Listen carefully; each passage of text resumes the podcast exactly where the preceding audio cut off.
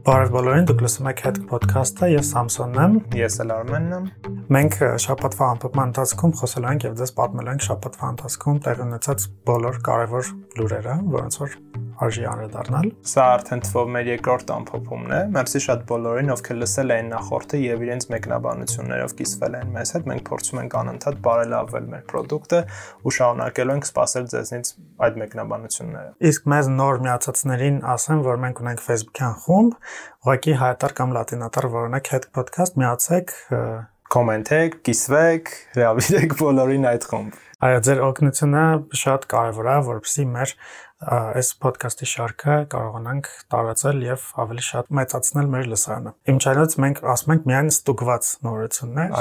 ստուգված լուրեր, մեր մեզ մոտ fake news չկա։ Այո, որի մասին մենք ենք լուսաբանել կամ մեր գործընկեր լրատվամիջոցները։ Հետաքնող լրագրողներից Head Podcast։ Հայաստանն ու Թուրքիան պայմանավորվեցին, որ սահմանը երրորդ երկրների քաղաքացիների համար բացելու են։ Երկրները ամնասերմ ժամկետներում պիտի ապահովեն Հայաստան-Թուրքիա ուղիղ օթային բեռնափոխադրումների իրականացումը։ Սա շատ կարևոր մեծ լուր էր ու շատ քննարկվեց այս լուրը։ Այս պայմանավորվածությունը ձեռք է բերել Հայաստանի եւ Թուրքիայի հատուկ ներկայացուցիչների Վիեննայում կայացած հանդիպման ժամանակ։ Այս հանդիպումները շատ երկար ժամանակ իրանք քննադատության են ենթարկում, որովհետեւ շատերն ասում են, որ դուք ուղակի հանդիպում եք եւ որևէ արդյունք, որևէ վերջնարդյունք ձեր հանդիպումներից չկա։ Այս փաստը նաև հաստատում է Ռուբինյանով, հայկական կողմի հատուկ ներկայացուցիչներ եւ հիմա Վիեննայում Սերդար Քլչի հետ, ով թուրքական պատվիրակություն ա ղեկավարում, պայմանավորվածություն ա ձեռբերել, որ օրինակ Իրանի քաղաքացիները, որոնք այս պարագայում համարվում են երրորդ երկրի քաղաքացի, հանգիստ կարող են հատել Հայաստանի եւ Թուրքիայի սահմանը։ Բայց սա մեկ այլ, որպես այսպես ասած գործընթացի սկիզբ է նշանակում, Դա նշանակում է մաքսային հարաբերություններ Հայաստանի եւ Թուրքիայի միջև, մաքսակետերի բացում, մաքսաչափի, մաքսատուրքի որոշում եւ այլն, այսինքն բեռնափոխադրումների հարցը բեռնափոխադրումները իրականում իրենք խոսեցին եւ ասացին դա դեռ մի քիչ լրացուցիչ ավելի քննարկելու ենք թե ինչպես այդ ուղիղ բեռնափոխադրումներն արվելու ենթադրաբար ես կարծում եմ որ Turkish Cargo-ն է գալու, որը Turkish Airlines-ի կարգո ծառայությունն է եւ նաեւ ամենամեծն է Թուրքիայում։ Դա իրենք ասացին, որ մի քիչ ավելի լրացուցիչ քննարկման ենթակա է։ Դա ենթադրում է Մարկարայի հատվածում հավանաբար մեկ մաքսակետ ունենալ եւ մեկն էլ երևի Գյումրիի հատվածում։ Նաև իմ մոտ այն հարցն էր առաջանում, թե ով է այս մաքսակետերում ընդհանրապես համանին այդ մարդկանց շարժը ռուսական արդյոք ռուսական կողմը հայկական կլինի Հավանաբար ռուսական։ Հավանաբար ռուսները կլինեն, որովհետև հաշվիմեղրիում էլ են իրենք եւ նաեւ հայ-թուրքական սահմանով են իրենք տեղակայված, հավանաբար իրենք կլինեն։ Իմ առաջին միտքը երբ որ տեսա այս նորությունը կապված էր նրա հետ, որ մտածեցի հավանաբար սա կլինի Ադրբեջանի քաղաքացիների համար, այսինքն հետագայի համար, երբ որ ճանապարհները բացվեն, ինֆրաստրուկտուրան ավելի շատ զարգանա, որովհետեւ ադրբեջանցի այդ այսպես կոչված ճակերտավոր Զանգեզուրի միջանցքով իրանք կարողանան անցնել կամ Զանգեզուրի միջանցքը մի քիչ ավելի Նախիջևանի հատվածին է վերաբերում, բայց օրինակ չգիտեմ, գային Երևան, Երևանով գնան միայն թուրք է։ Կարծես թե ավելի մոտ կլինի, ավելի կարճ կլինի, բայց ավելի շատ մտածում եմ ոչ թե սովորական քաղաքացիների համար туриզմի նպատակով կամ ուղղակի գնալ գալ նպատակով, որտեղ դե- դրան դեռ չենք հասել, այլ ֆուրերի, վարորդների ու այսպես ապրանքների դառնափոխադրման համար։ Հա, ես էլ եմ համաձայն, բայց ամեն դեպքում կարծում եմ, որ այս հարցը դեռևս այս տարի չի իրագործվելու։ Սա բավական երկար պրոցես է, այդ թվում նաև ենթակառուցվածքների այդ կառուցման մակարդակով եւ դժվար թե այս տարի այս պայմանավորվածությունը իրագործվի։ Ռուսաստանի դեսպանությունը շատ նեղացել է, որ Կանադան Հայաստանում շուտով դեսպանություն է բացելու։ Հունիսի 20-ին Կանադայի արտգործնախարար Մելանի Ժոլին ասել էր, որ Կանադան ընդլայնում է դիվանագիտական ներկայացուցչությունը Եվրոպայում եւ մասնավորապես նշվում էր, որ Էստոնիայում, Լիտվայում եւ Լատվիայում կանադական ներկայացուցչություն այսուհետ գործելու է որպես լիարժեք դեսպանատներ եւ նշվում էր նաեւ, որ Հայաստանում նույնպես կանադան շուտով դեսպանտուն է բացելու եւ օգնելու են մեր ժողովրդավարության զարգացմանը։ Սրանից շատ խիստ նեղացել էր Ռուսաստան դեսպանությունը ու ցած լիրիկական ոճով հայտարարություններ տարածել։ Ինձ անկեղծ ասած ինձ թվում էր, որ այդ հայտարարությունը գրել էր Մարիա Զախարովայի, ասենք ինչ որ պրակտիկա։ Ըստ Մարիա Զախարովան քնից արթնանալուց հետո առողջա ստատուս էր գրել։ Հա, այդ այդ հայտարարության մեջ ինձ թվաց, ինձ թվում է նաև շատերին թվաց, որ ակնհայտ սպառնալիք էր Հայաստանի Հանրապետությանը, ասենց հարցականով ասում էին, որքանով կազդի Կանադայի դեսպանտան բացումը ձեր անվտանգության եւ բարեկեցության վրա, այսինքն չգիտեմ, սա ակնհայտ։ Մի տեսակ Ռուսաստան բարեկեցությունը հարաբերակցությունը շատ ծիծաղելի է։ Հա, իրականում ինձ ինձ էլ մի պատում էր թե Մարիա Զախարովան ոչ միայն ինքն է գրել, այլև Facebook-յան post-ը խառնել է իրենց ներքին չաթերի հետ, երևի Լավրովի հետ չաթ էին անում, դեռ խառնել էր հապարակել է։ Ընդհանրապես ցանկացած երկրում դեսպանատան բացումը դա հարաբերությունների մակարդակի բարձրացման ուղված քայլ է։ Մենք վաղուց Կանադայում դեսպանատուն ունենք։ Կանադան առաջին դեսպանատունն է բացում Կովկասում։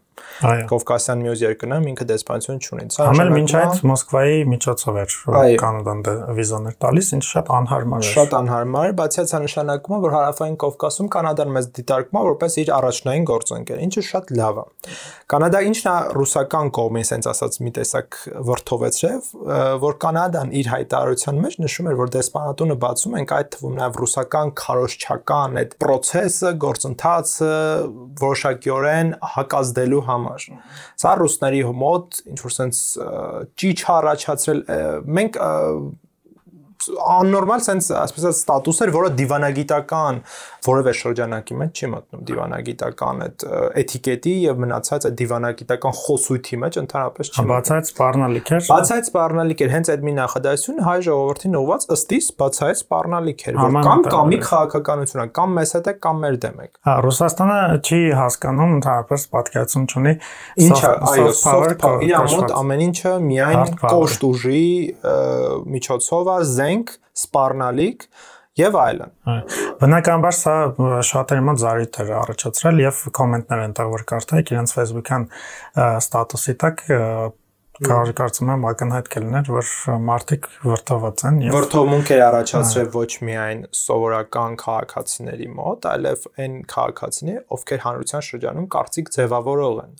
Իրանց կարծիքը հանրության լայն զանգվածների կողմից ընդունելի է։ Պաշտոնական մակարդակով դեռևս որևէ մեկնաբանություն այս post-ին չկա, ոչ արտաքին գործերի նախարարությունն ինչ որ հայտարարություն տարածել, ոչ Հայաստանում Ռուսաստանի տեսփանը կանչվել է ԱԳՆ, որևէ գործողություն չի կատարվել։ Փորձում են ջրեն որ գնա մոռանանք, որ սենց գնան մոռանանք, այդ նպատակով մենք հարցում ենք ուղարկել Հայաստանի արտաքին գործերի նախարարության իրենց տեսակետը հասկանալու համար, հարցում ենք ուղարկել նաև Ռուսաստանի արտաքին գործերի նախարարությանը հասկանալու արդյոք սա իրենց պաշտոնական տեսակետն է այս հարցում, թե դեսպանատան SMM-ով զբաղվող անձի մտքի արգասիկը Մարիա Զախարովայի պրակտիկանտի եւ թե արդյոք իրոք Ռուսաստանը դրանով սպառնում է մեր արտաքին քաղաք քաղաքականությանը փաստացի Ռուսաստանը միջամտում է սուվերեն պետության արտաքին քաղաքականությանը ինչ լավ է որ մենք նման ստատուսներ եւ բաներ դեսպանատների եւ ԱԳՆ-ների մակարդակով չեն գրում երբ որ իրանք օրինակ Ադրբեջանի հետ պատերազմից Ուկրաինա ներխուժումից երկու օր առաջ ռազմավարական գործընկերության դաշնագիր էին ստորագրում, համաձայնագիր էին ստորագրում Ադրբեջանի հետ։ Իրականում Կանադան հաղորդագրությունում նշել էր, որ դեսպանտների բացումը կօգնի դիմակայել Ռուսաստանի ապակայունացնող գործողություններին, կօգնի հետագայում հակազդելու Ուկրաինա-ռուսական ներխուժման ազդեցություններին եւ աջակցելու Հայաստանին մեր ժողովրդարության զարգացման գործում։ Այսինքն սա ուղղակիորեն չէին ասում էլի որ մենք Հայաստանում Ռուսաստանը եթե այս առաջին հայացքից նայենք վերաբերվում էր Բալթյան երկրների հիմնական այդ մասով որտեղ լիարժեք դեսպանատուններ մերն ավելի շատ ժողովրդավարության կայացման բայց թե ռուսական կողմը վերջին շրջանում իհարկե գիտենք թե արտաքին քաղաքականության մեջ ինչ է իրեն կատարվում լրիվ իրենք soft power ասված ընդհանրապես չգիտեն թե ինչ Ամսի 5-ին Հայաստանում նշված համանրության օրը ես աշխատանքից հետո հյուսային պողոտայով սենց քայլում էի, գնում էի դեպի Կասկադ ու սենց տեսա վերևում մեծ դրոշ էր սենց գնում, սավառնում երկնքի մեջ, հետո նկատեցի, որ ուղաթիռ էր ու Երևանի կենտրոնի վրա թռնելով սենց պտիկներ էր անում ու այդ ուղաթերից կախված էր մեծ դրոշը։ Ես ոնց նայեցի վերև, մտածեցի տեսնես ասում կարող։ Ինչի դրոշ է, էլի, տենց հասկացա, նո հասկանալի է իմաստը, բայց կարծում եմ, որ եթե մի հատ մեծ բան լիներ, սամարություն լիներ, ասենց մեծ, դրոշի փոխան։ Վիզուալ ավելի էֆեկտիվ։ Ավելի էֆեկտիվ կլիներ, մեսեջը ավելի հասկանալի կլիներ։ Ամեն դեպքում տենց նշվեց այդ օրը եւ ոստիկանության զորքերն այդ օրը նվագախմբով քալերթով անցան Երևանի փողոցներով Իսկ անդիմությունը մեծ սանսամանություն էր սարքել, վրան կախել էին մետաղաշղթաներ, ոնց որ արտ ինստալյացիա լիներ,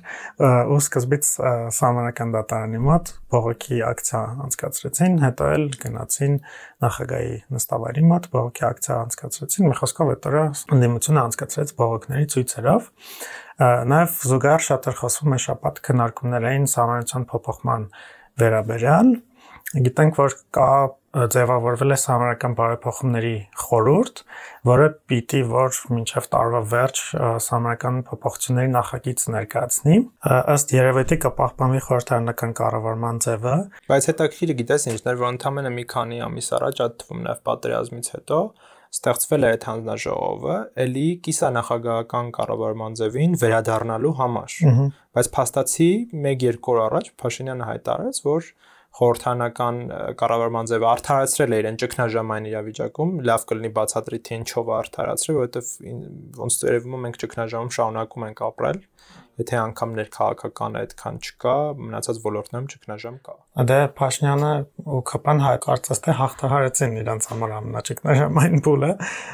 Փաշինյանն ու ԿՊ-ն երևի այդ նկատի ուներ։ Դեռ պարզ չի արդյոք այս բարեփոխումները ինչ որ ձև կարող դառնան այժմ կան մեծամասնության սկզբունքին, նրանց համար ովքեր չգիտեն, ասենք որ մեր համարությունում կա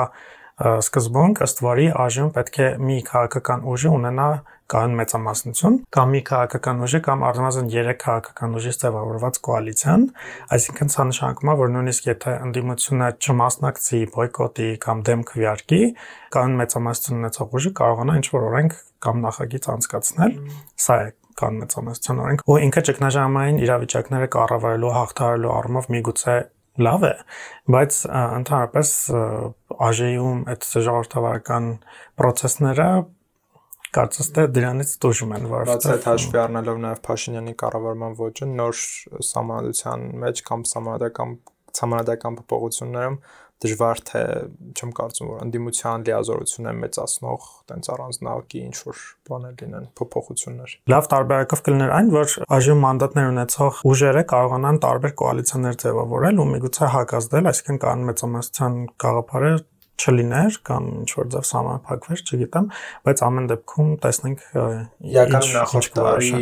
նախորդ թե դրա առաջ տարիներ արդեն չեմ հիշում, արված ընտրական օրենսգրքում փոփոխություններ որոշակիորեն նպաստեցին դրան, ընտրական շեմը նվազեցվեց եւ կուսակցությունների եւ դաշինքների համար, ինչը հույս է տալիս, որ ավելի մեծ թվով կուսակցություններ կարող են անցնել խորհրդան։ Իհարկե, այստեղ մի քիչ ռիսկ կա, որ ավելի մարգինալացված կուսակցություններ կարող են նաեւ անցնել, բայց ամեն դեպքում ինչքան բազմաշերտ եւ շատ ներկայացված լինի խորհրդան, այնքան իրականում պետությունը դրանից շահում է։ Ահա Նաև ասենք, որ ընդդիմությունը հրաժարվել է համանական բարեփոխումների խորհրդի իր տեղերից ու բոյկոտում են այժմ նիստերը, իսկ որևէ ձև եւ որը որևէ արդյունք չի տալիս։ Իրենց բոյկոտը որևէ բան եւ դրական եւ բացասական իմաստներով որևէ փոփոխության չի հանգեցնում։ Որևէ։ Եվ անկեղծ ասած արդեն չես էլ հասկանում թե իրենք ինչի համար են բոյկոտում։ Ինչ որն է իրենց վերջնանպատակը այդ բոյկոտն անելով։ Այո երբ թե բոյկոտ անելը տենց մեդիա տարածում է ստանում ու մենք բոյկոտել ենք ու բոլորը գրում են դրա մասին այո բնականաբար միևնույնն է իրենք բոյկոտում են թե ինչ են անում նաև հիշենք որ երբ Նիկոլ Փաշինյանը ընդդիմադիր էր նա շատ էր քննադատում գործող համանությունը ու երբ որ նոր էր համանությունը փոխվում 2017 թվականին նա անդադ պնդում էր որ համանությունը Սերժ Սարգսյանի համար կարված կոստյում է ու այսպես ասում էր որ պետք է փոխել 2010-ից հետո ահագին ժամանակ անցել արդեն, բարձ է որ տարբեր ճգնաժամերի միջով ենք անցել եւ համանացում փոխելը այդքան էլ իրատեսական չէր եւ ռիսկային էր, բայց ամեն դեպքում այս process-ը պետք է արագացնել եւ բացի այդ կոստյումը նոր հակնող ունի, այդպես որ այո գլխավոր դատախազ Արթուր Դավթյանը իր գնալուց առաջ որոշեց մի նվեր մատուցել նվեր մատուցել քաղաքասարակությանը ընդհանրապես մեզ բոլորիս եւ գրությամբ տեղեկացնում էր եւ առաջարկում էր կառավարությունը, որ կառավարությունը, որ Հայաստանին պետք է տեղեկատվության անվտանգությունը ապահովող վերահսկող մարմին ու որպես օրինակ բերում էր տխրահարճակ Ռոսկոմնadzորը, որը գործում է Ռուսաստանում, որը որ ակնհայտ դասագրքային գրաքննության տիպիկ օրինակ։ Այո, տիպիկ օրինակ է եւ հիմնավորում էր նրանով, որ ինչ որ հետազոտություն է իրականացրել դատախազությունը եւ որոշել է, որ ինտերնետում շատ են, այսպես ասած, վնասակար բաները, կապված այնտեղ թմրանյութերի, տարբեր տեսակի ահաբեկչության հետ կապված կապված մի խոսքով կոչեր, հա, ինտերնետում ինֆորմացիան շատ կա եւ ցանկացած մարդ այդ ինֆորմացիան կարող է գտնի ու այսպես դրանով հիմնավորում էր եւ որպես լավագույն օրինակ բերում էր Ռոսկոմնadzորը։ Սա իրական շատ մտահոգիչ զարգացում է բոլորիս համար, որովհետեւ ըստ իս նշանակում է ուղիղ սպառնալիք բոլոր անկախ նաեւ լրատվամիջոցներին, որովհետեւ եթե Ռոսկոմնadzորի օրինակն եմ բերում, Ռոսկոմնadzորը զբաղվում է այս պահին եւ արգելափակել է բոլոր անկախ լրատվամիջոցները Ռուսաստանում այդ թվում նաև օտարերկրյա լրատվամիջոցների ռուսական թղթակցությունները ռուսական ծառայությունները ցանկացած բան ցանկացած բան, որը օրվա իշխանությունն եթե դուրս չգա, այո, որը չի սпасարկում տվյալ օրվա իշխանության համարել վնասակար, այո, ու իրենք ասում են, որ պիտի ոնց որ անաչար կլինի այդ որոշումը, արդյոք դա վնասակար է թե չէ, բայց իրականում այդպես չի, չես կարող ուղղակի վստահել ինչ որ քաղաքական ուժին, իշխանություն ունեցող, որ իրենք անաչար կլինեն եւ կորոշեն դատախազության ներկայացուցիչն ինքը ասում էր, որ դրանով միայն ոչ թե կայքերն են փորձելու արգելափակել, այլ կոնկրետ ինչ որ նյութեր կամ ինչ որ բովանդակություն, որոնք կարող են հանրության շրջանում բացասական process-ներ առաջացնել, բայց միշտ պետք է դիտարկել, որ այս վտանգի տակ կարող է մտնել ցանկացած լրատվամիջոց, որը կարող է եւ եւ այնպիսի քաղաքականություն խմբագրական ունենալ, որը ամենևին չլինի տվյալ երկրի իշխանության շահերից բխող եւ մամուլը վտանգի տակ եւ ընդհանրապես անհատները, որովհետեւ որովհետեւ մենք Ռուսաստանում դրանք վատ օրինակն ենք ոչ միայն լրատվամիջոցների փակման տեսանկյունից, այլև մարդկանց անկախ լրագրողների, անկախ հետազոտողների, բլոգերների ճանաչում են որպես արտասահմանյան գործակալ անհասկանալի մակնշմամբ եւ ուղղակի այդ մարդկանց ճակատագին անհասկանալի է դառնում մի հետաքրքիր բան, որ փորձագետները նշում են, որ Հայաստանի վարչապետի եւ Ռուսաստանի նախագահի ապրիլյան բանակցությունների վերաբերյալ, որ դրանց ընթացքում ստորագրվեց 30 կետից բաղկացած այդ հայտնի հայտարարությունը ու կողմերը այնտեղ մտահոգություն էին հայտնել, որ պետությունների ներքին գործերին միջամտելու նպատակով ժամանակակից տեղեկատվական ու հաղորդակցային տեխնոլոգիաների կիրառման աճի առնչությամբ եւ պայմանավորվել էին ամրապնդել համագործակցությունը ըստ երևույթի սա վերաբերում է Եվրասիական տնտեսական միությունում փորձում են օրենքները համապատասխանեցնել իրար բնականաբար բոլորը պիտի համապատասխանեն կրկնօրինակեն կրկնօրինակեն եւ քանի որ Արթուր Դավթյանն էլ Ռուսաստանի դատախազության կողմից հավելանական նվեր էր ստացել Պուտինի հրամանով ինքը գնալուց առաջ ասես իր ոնց հա ասաց ես եմ գործը արել եմ ու եւ գնում եմ տեսնենք ինչ կլինի բայց շատ շատ մտահոգիչ զարգացում սա սա ընդունվի սա կատաստրոֆիկ հարված կլինի ընդհանրապես հայ ազատ մամուլին։ Այո, եւ նաեւ փորձագետներ ասում են, որ սա շատ թանկարժեք կլինի եւ Հայաստանը այդքան ռեսուրս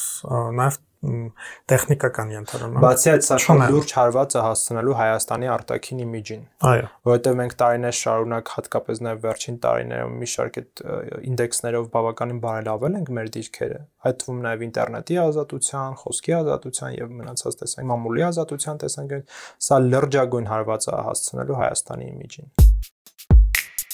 Մի քանի օր առաջ Radar Armenia կայքը հրապարակեց մի հոդված, որում պնդում է, որ 40 միլիոն ԱՄՆ դոլարի չարաշահումներ են եղել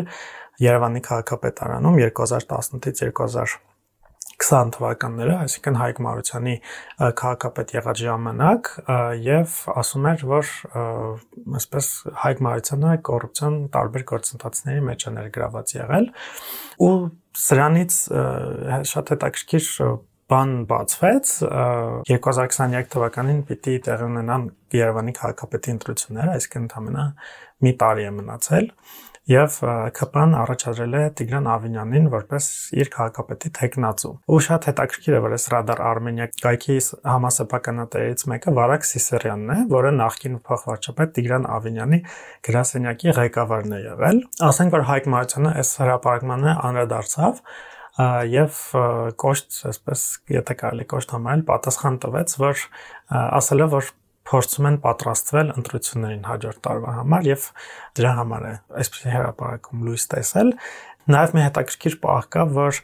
ՊՎՑ-ն այս ինֆորմացիան ոչ հերքում է, ոչ էլ հաստատում։ Ազատությունը դիմել էր պետական վերահսկման ծառայությանը, որը որ պատասխանատու է նման չարաշահումների եւ այլն գործերի քննման համար, իրենք ոչ հերքել են, ոչ հաստատել են, ասել են ինչ որ process է ընթանում։ Չգիտենք, այս 40 միլիոն ԱՄՆ դոլարի չարաշահումները իրական են թե ոչ։ Ամ դեպքում իմ մոտ այնպեսի տպավորություն էր, որ Հայկ Մարությանին ԿՊ-ն դիտարկում է որպես մեծ շանսեր ունեցող պոտենցիալ տեխնացու եւ նախապես այսպես փորձում են այսպես ընտրություններից առաջ չեզոքացնել նրան։ Իրականում ըստ իս Հայկ Մարությանը խայծը կուլ տվեց։ Հենց այդ նպատակով էլ միգուցե այդ լուրը հանրայնացվել էր եւ Մարությանը փոխարենը անդրադառնար բուն լուրին, սկսեց խոսել քաղաքական process-ների մասին, որ ինքը դեռևս չի կողմնորոշվել մասնակցելու, թե մաս չի մասնակցելու։ Հավանաբար այդ սցենան էլ անհրաժեշտ էր Ավինյանին եւ նա թիմակիցներին, որ เป զի Հայկ Մարությանը իր քարտերը, այսպես ասած, բացի իր հետագա գործողությունների եւ Մարությանն շատ հեշտ ու անգից խայծը կուլ տվեց եւ այստեղ շահեց միայն Ավինյանի թիմ։ Տեսնենք ՊՎՑ-ն ինչ կասի, արդյոք կան այդ չարաշահումները։ Որտեվ դա այդ ստատուսն եղավ, արձագանքն եղավ, ՊՎՑ-ի պատասխանն եղավ եւ արդեն մեկ շաբաթ է որևէ արձագանք դրա շուրջ չկա։ Բայց անում դեպքում ես կարծում եմ, որ Մարությանը բավական շատ մեծ շանսեր ունի, եթե իր տեխնացիոնը դնի, հաստատ ահագին ձայներ impeachment-ի գործընթացը տեղի ունեցավ, հանրության շատ մեծ արձագանք եղավ եւ իրենց աջակցությունը հայտնեցին Մարությանին, այդ թվում նաեւ իմ քայլը խմբակցության ավականու մի շարք ավականու անդամներ, որոնք հետագա մի մասը նաև դուրս եկավ խմբակցությունից մեկ այլ տեխնացու էլ շրջանառվում, շրջանառվում է նաև երկրորդ նախագահ Ռոբերտ Քոչյանի կրծեր որդու Լևոն Քոչյանի անունը, որին հավանաբար կարող է առաջադրել ընդդիմության խոշոր թևես բայն ներկայացնող Հայաստան դաշինքը, խորհրդանական դաշինքը, բացի այդ շրջանառվում են նաև նախկին քաղաքապետ Տարոն Մարգարյանի անունը, շրջանառվում է նաև Արթուր Վանեցյանի անունը, ով վերջերս իր պատգամավորական մանդատը ցածրեց եւ փաստացի փլուզ 6 պատիվ ունեմ դաշինքը, որը կազմված էր իր հայրենիք կուսակցությունից եւ հանրապետական կուսակցությունից ընտրությունները թեժ են լինելու եւ մենք ինչպես միշտ դրանք լուսաբանելու ենք, որովհետեւ մենք թիմ ընտրությունները բոլոր թիմ ընտրությունները լուսաբանելու ենք, տեսնենք թե ինչ կլինի։ Ընդդիմությունը հրաժարվեց որոշ պաշտոններից, ԿՊ-ն ԱԺ փոխոսնակ Իշխան Սաղաթելյանին եւ տնտեսական հարցերի մշտական հանձնաժողովի նախագահ Վայ Հակոբյանին զրկեց պաշտոններից իրենց բացակայությունների համար, խոսքը վերաբերում է ոչ թե մանդատին չխառնենք, այլ պաշտոնին, այսինքն ԱԺ-ում իրենք պաշտոն ունեն եւ որպես սոլիդարության քայլ մի քանի այլ ընդդիմադիր պատգամավորներ ինքնակամ հրաժարվեցին իրենց պաշտոններից բայց կար բացառություններ, այդ բացառությունը Թագոյի Թովմասյանն էր պատիվ ունեմից, որն ասաց, որ չի հրաժարվի իր այժմ արդյունավանքների պաշտպանության եւ հանրային հարցերի մշտական հանձնաժողովի նախագահի պաշտոնից։ Իսկ Վանեցյանի փոխեն падգամավոր կդառնա Գյումրիից Մարտուն Գրիգորյանը, ում խոսքով հեշտ չէր ստանձնել նման պատասխանատվություն եւ դառնալ падգամավոր։ Շատ բարդ որոշում։ Անդրադառնանք Ուկրաինային, Ռուսաստանը նախորդ շաբաթվա վերջ կարողացավ գրավել Լիսիչանսկ եւ փաստացի դուրս եկավ Լուգանսկի մարզի վարչական սահմաններ, ամբողջ Լուգանսկի մարզը վերցնելով իր վերահսկողության տակ։ Շոյգուն, երբ որ Պուտինին ինքը զեկուցում էր այդ process-ը, հայտարարեց, որ ամբողջությամբ իրենք կատարել են Լուգանսկի մարզի մասով իրենց process-ները եւ Պուտինն էլ ակնարկեց, որ մարտավարական դաթարի կարիք կա, որ เป զի Լուգանսկի ուղությամբ դադարեցվեն մարտերը եւ անձնակազմն էլ հանգստանը։ Այդուհանդերձ Դոնեցկի եւ մյուս մարզերի ուղությամբ շարունակվում են մարտերը եւ մեծ հաշվով այդտեղ իրավիճակի փոփոխություն չկա։ Նախորեի ամենա կարևոր լուրը դա Մեծ Բրիտանիայի վարչապետ Բորիս Ջոնսոնի հրաժարականի լուրն էր։ Արտվերջին շաբաթվա ընթացքում բրիտանական կառավարությունում հրաժարականների շղթայր միմյանց հաջորդելով նախարարներ հրաժարական էին տալիս եւ պահանջում են վարչապետի գործող հրաժարական ամեն ինչ սկսվեց ֆինանսների նախարարից, այնուհետև առողջապահության նախարար Ու հենց Բորիս Ջոնսոնի թիմակիցներն Բորիս Ջոնսոնի մերձավորը իրենք համախոհներն են։ Ինչից սկսվեց այս process-ը, նախ Բորիս Ջոնսոնը 19 թվականից էր կառավարում եւ իր կառավարման ժամկետը շատ ասած սկանդալային էր եւ բացի այդ հիմա ինքը ամենակարճ կառավարող վարչապետներից մեկն էր։ Ամեն ինչ սկսվեց COVID-ի օրերին երեկույթներից մեկին, երբ որ Բորիս Ջոնսոնն ու նրա կառավարության մի շարք անդամներ, այդ թվում նաեւ Դոմինիկ Ռաբը, իրենք երեկույթ են կազմակերպել եւ չէին պահպանել իդով Մեծ Բրիտանիայում սահմանված այդ սահմանափակում։ Ոստիկանությունը իրենց հետո տուգանեց, չէ՞, տուգանել էր։ Հետո նոր սկանդալ առաջացավ Քրիս Փինչերը, ով խորհրդարանում զբաղվում է թորիների պահպանողական կուսակցության վարկագծով իրենք այդպիսի հաստիկ ունեն ինքը ընկել էր սեռական սկանդալի մեջ փակ ակումներից մեկում ոտնձգություն էր արել ըստ երկու տղամարդու ովքեր ոստիկանությունում բողոք էին ներկայացել նրանց նկատմամբ եւ խորհրդանականները բացել են որ Բորիս Ջոնսոնն իմացել է այս մասին եւ դրանից հետո նաեւ բացի այդ նաեւ այս Փինչերն ինքը նախկինում եւս այսպես սկանդալի մեջ էր ընկել ինքը շարունակել է նրան նոր պաշտոնների ներկայացնել Նաև այս շղթան սկսվեց նաև այստեղից։ Հետո ասել էր, որ չէր հիշում, որ իրեն զեկուցել։ Այո, չեն հիշում զեկուցել էր, բայց հետո ապացույցներ էին ներկայացել, ինքը սկսել էր ներողություն խնդրել։ Եվ հիմա Ջոնսոնը հրաժարական է տվել եւ պահպանողական կուսակցության նախագահի պաշտոնից եւ վարչապետից, սակայն կշարունակի պաշտոնավարել, միջև նոր կուսակցության նոր առաջնորդը կլինի, ով էլ հավանաբար կլինի հաջորդ վարչապետը։ Եվ տարածաշրջանային կարևոր նորություններից մեկն էլ այն էր, որ Թեհրանում հանդիպել են Ադրբեջանի եւ Իրանի արտաքին գործերի նախարարները։ Իրանում Ադրբեջանի արտաքին գործերի նախարարը հայտարարել էր, որ 3+3 ձևաչափով հանդիպ հարթակի հաջորդ հանդիպումը, որին անդամակցում են Հայաստան, Ադրբեջան, Վրաստան, Ռուսաստան, Իրան եւ Թուրքիա, կկայանա Թեհրանում։ Նախորդ հանդիպումը տեղի ունեցել անցած տարվա դեկտեմբերին Մոսկվայում, դրանից հետո խոսակցություններ կային, որ հաջորդը Անկարայում էր տեղի ունենալու, բայց Հայաստանի արտգործնախարարությունը հերքել էր ասել որ դեռևս վերջնական որոշում չկա եւ հիմա որոշվել է որ հաջորդ հանդիպումը կանալու է Թեհրանում, բայց դեռ ժամկետների մասին որևէ խոսք չկա կարճ լուրերից այսուհետ այն գազալցականները, որոնք որ վատ են լիցքավորել ձեր մեքենան, ստիպված կլինեն փակցնել մենք տուգանվել ենք թե լիցքավորման համար ցուցանակներ իրենց գազալցականներում սա օրենքի նախագիծ է որը առաջարկում են ԿՊ-ից երկու պատգամավոր դեռ առաջին ընթերցումը սպասվում է տեսնենք կարծում եմ լավ նախագիծ է բավականին Այս շաբաթվա ընթացքում Ադրբեջանը կրակոցներ արձակել Խաչիկ եւ Ելփին գյուղերի ուղությամբ։ Խաչիկը Նախճեվանի սահմանին գտնվող գյուղ է, այնտեղ վնասվել էր գյուղապետի ավտոմեքենան, հենց սահմանի սահմանամերձ սահմանին գտնվող գյուղ է, ու նաեւ Վայոցձորի Ելփին գյուղի վրա կրակոցներ են արձակվել, դա 3 եւ բարեբախտաբար զոհեր չկան եւ Ադրբեջանը շարունակում է իր այսպես բավական ագրեսիվ քաղաքականությունը։ Ընդ որում պաշտպանության նախարարն էլ ասել էր, որ նորմալ սովորական երևույթ է միշտ էլ կրակոցներ լինում են։ Նաև զուգահեռ անդադ ասում են, որ Հայաստանն է կրակել, այսինքն մի քանի օր շարունակ մենք հերքում ենք իրենց բնայի հաղորդագրությունը։ Եվ վերջում Գրիչի սագան կարծես թե մոտենում է իր ավարտին, Փաշինյանը ներողություն չի խնդրի Հրայր Թովմասյանից, որովհետև Գրիչի գործով վճիռը բեկանվել է։ Հիշեցնենք, որ 2020 թվականի հունվարին մամուլի ասուլիսի ժամանակ Նիկոլ Փաշինյանը հայտարարել էր, որ 2010 թվականից սկսած գրեթե ամենօրյա ռեժիմով Հրայր Թովմասյանը առաջարկում էր իր ծառայությունները Նիկոլ Փաշինյանին Եվ Հրայր Թոմասյանը ասել էր, որ եթե որևէ ապացույցներ նա չներկայացնի, դատարան կդիմի, Փաշինյանը ապացույց ներկայացրեց, դա գրիչն էր, այտենց գրիչի նկարներ դրել եւ այդպես պատմություն էր պատմում, թե ոնց է Հրայր Թոմասյանը իրեն այդ գրիչը բնդել, որ այդ գրիչը մնա իրեն, շողոքորթել եւ այլն, այսպես մեծ արձագանք էր ստացել այս պատմությունը, ինչից հետո Հրայր Թոմասյանը դիմել էր դատարան, որ պահանջում էր հերքում, որպեսզի Նիկոլ Փաշինյանը գրի հերքի իր Facebook-յան էջում, որ Հրայր Թովմասյանը 2010 թվականի մայիսից սկսած իր ծառայություններն է առաջարկել, առաջին ացյանի դատարանը բավարարել էր Հրայր Թովմասյանի հայցը, հետո Նիկոլ Փաշինյանի ներկայացուցիչը դիմել էր վերաքնիչ, վերաքնիչն էլ բեկանել է առաջացանի դատարանի որոշումը ու այսպես չգիտեմ Հրայր Թոմասյանը արդեն հայտարարել է որ վճռաբեկ է. դիմել Պաստան գեչի սագան չի ավարտել չի ավարտել դեռ մի ինստանցիա կա այո Եվ ամենավերջում պատրաստվեք առաջիկա օրերին ջերմաստիճանի կտրուկ բարձրացում է սպասվում հուլիսի 11-ից 13-ին ցերեկային ժամերին Արարատյան դաշտում, Արագածոտնի Վայոց ձորի նախալեռնային գոտիներում եւ Մայրաքաղաք Երևանում ջերմաստիճանը կհասնի +39-ից +41-ի։ Ամառը ուղիղ մտնում է տժալուն։ Այո, տժալուն։ Իրականում հիմա հյուսի մարզեմ շատ ցուրտ է եւ ինձ թվում է այնտեղի մարդիկ ահագին կուրախանան։ Ես սար գնում եմ Գյումրի, հուսով եմ շատ ցուրտ չլինի տեսնենք։ Դե լավ, շնորհակալություն, որ լսեցիք։ Խնդրում ենք տարածեք այս էպիզոդը ձեր ընկերների, գոլեգաների,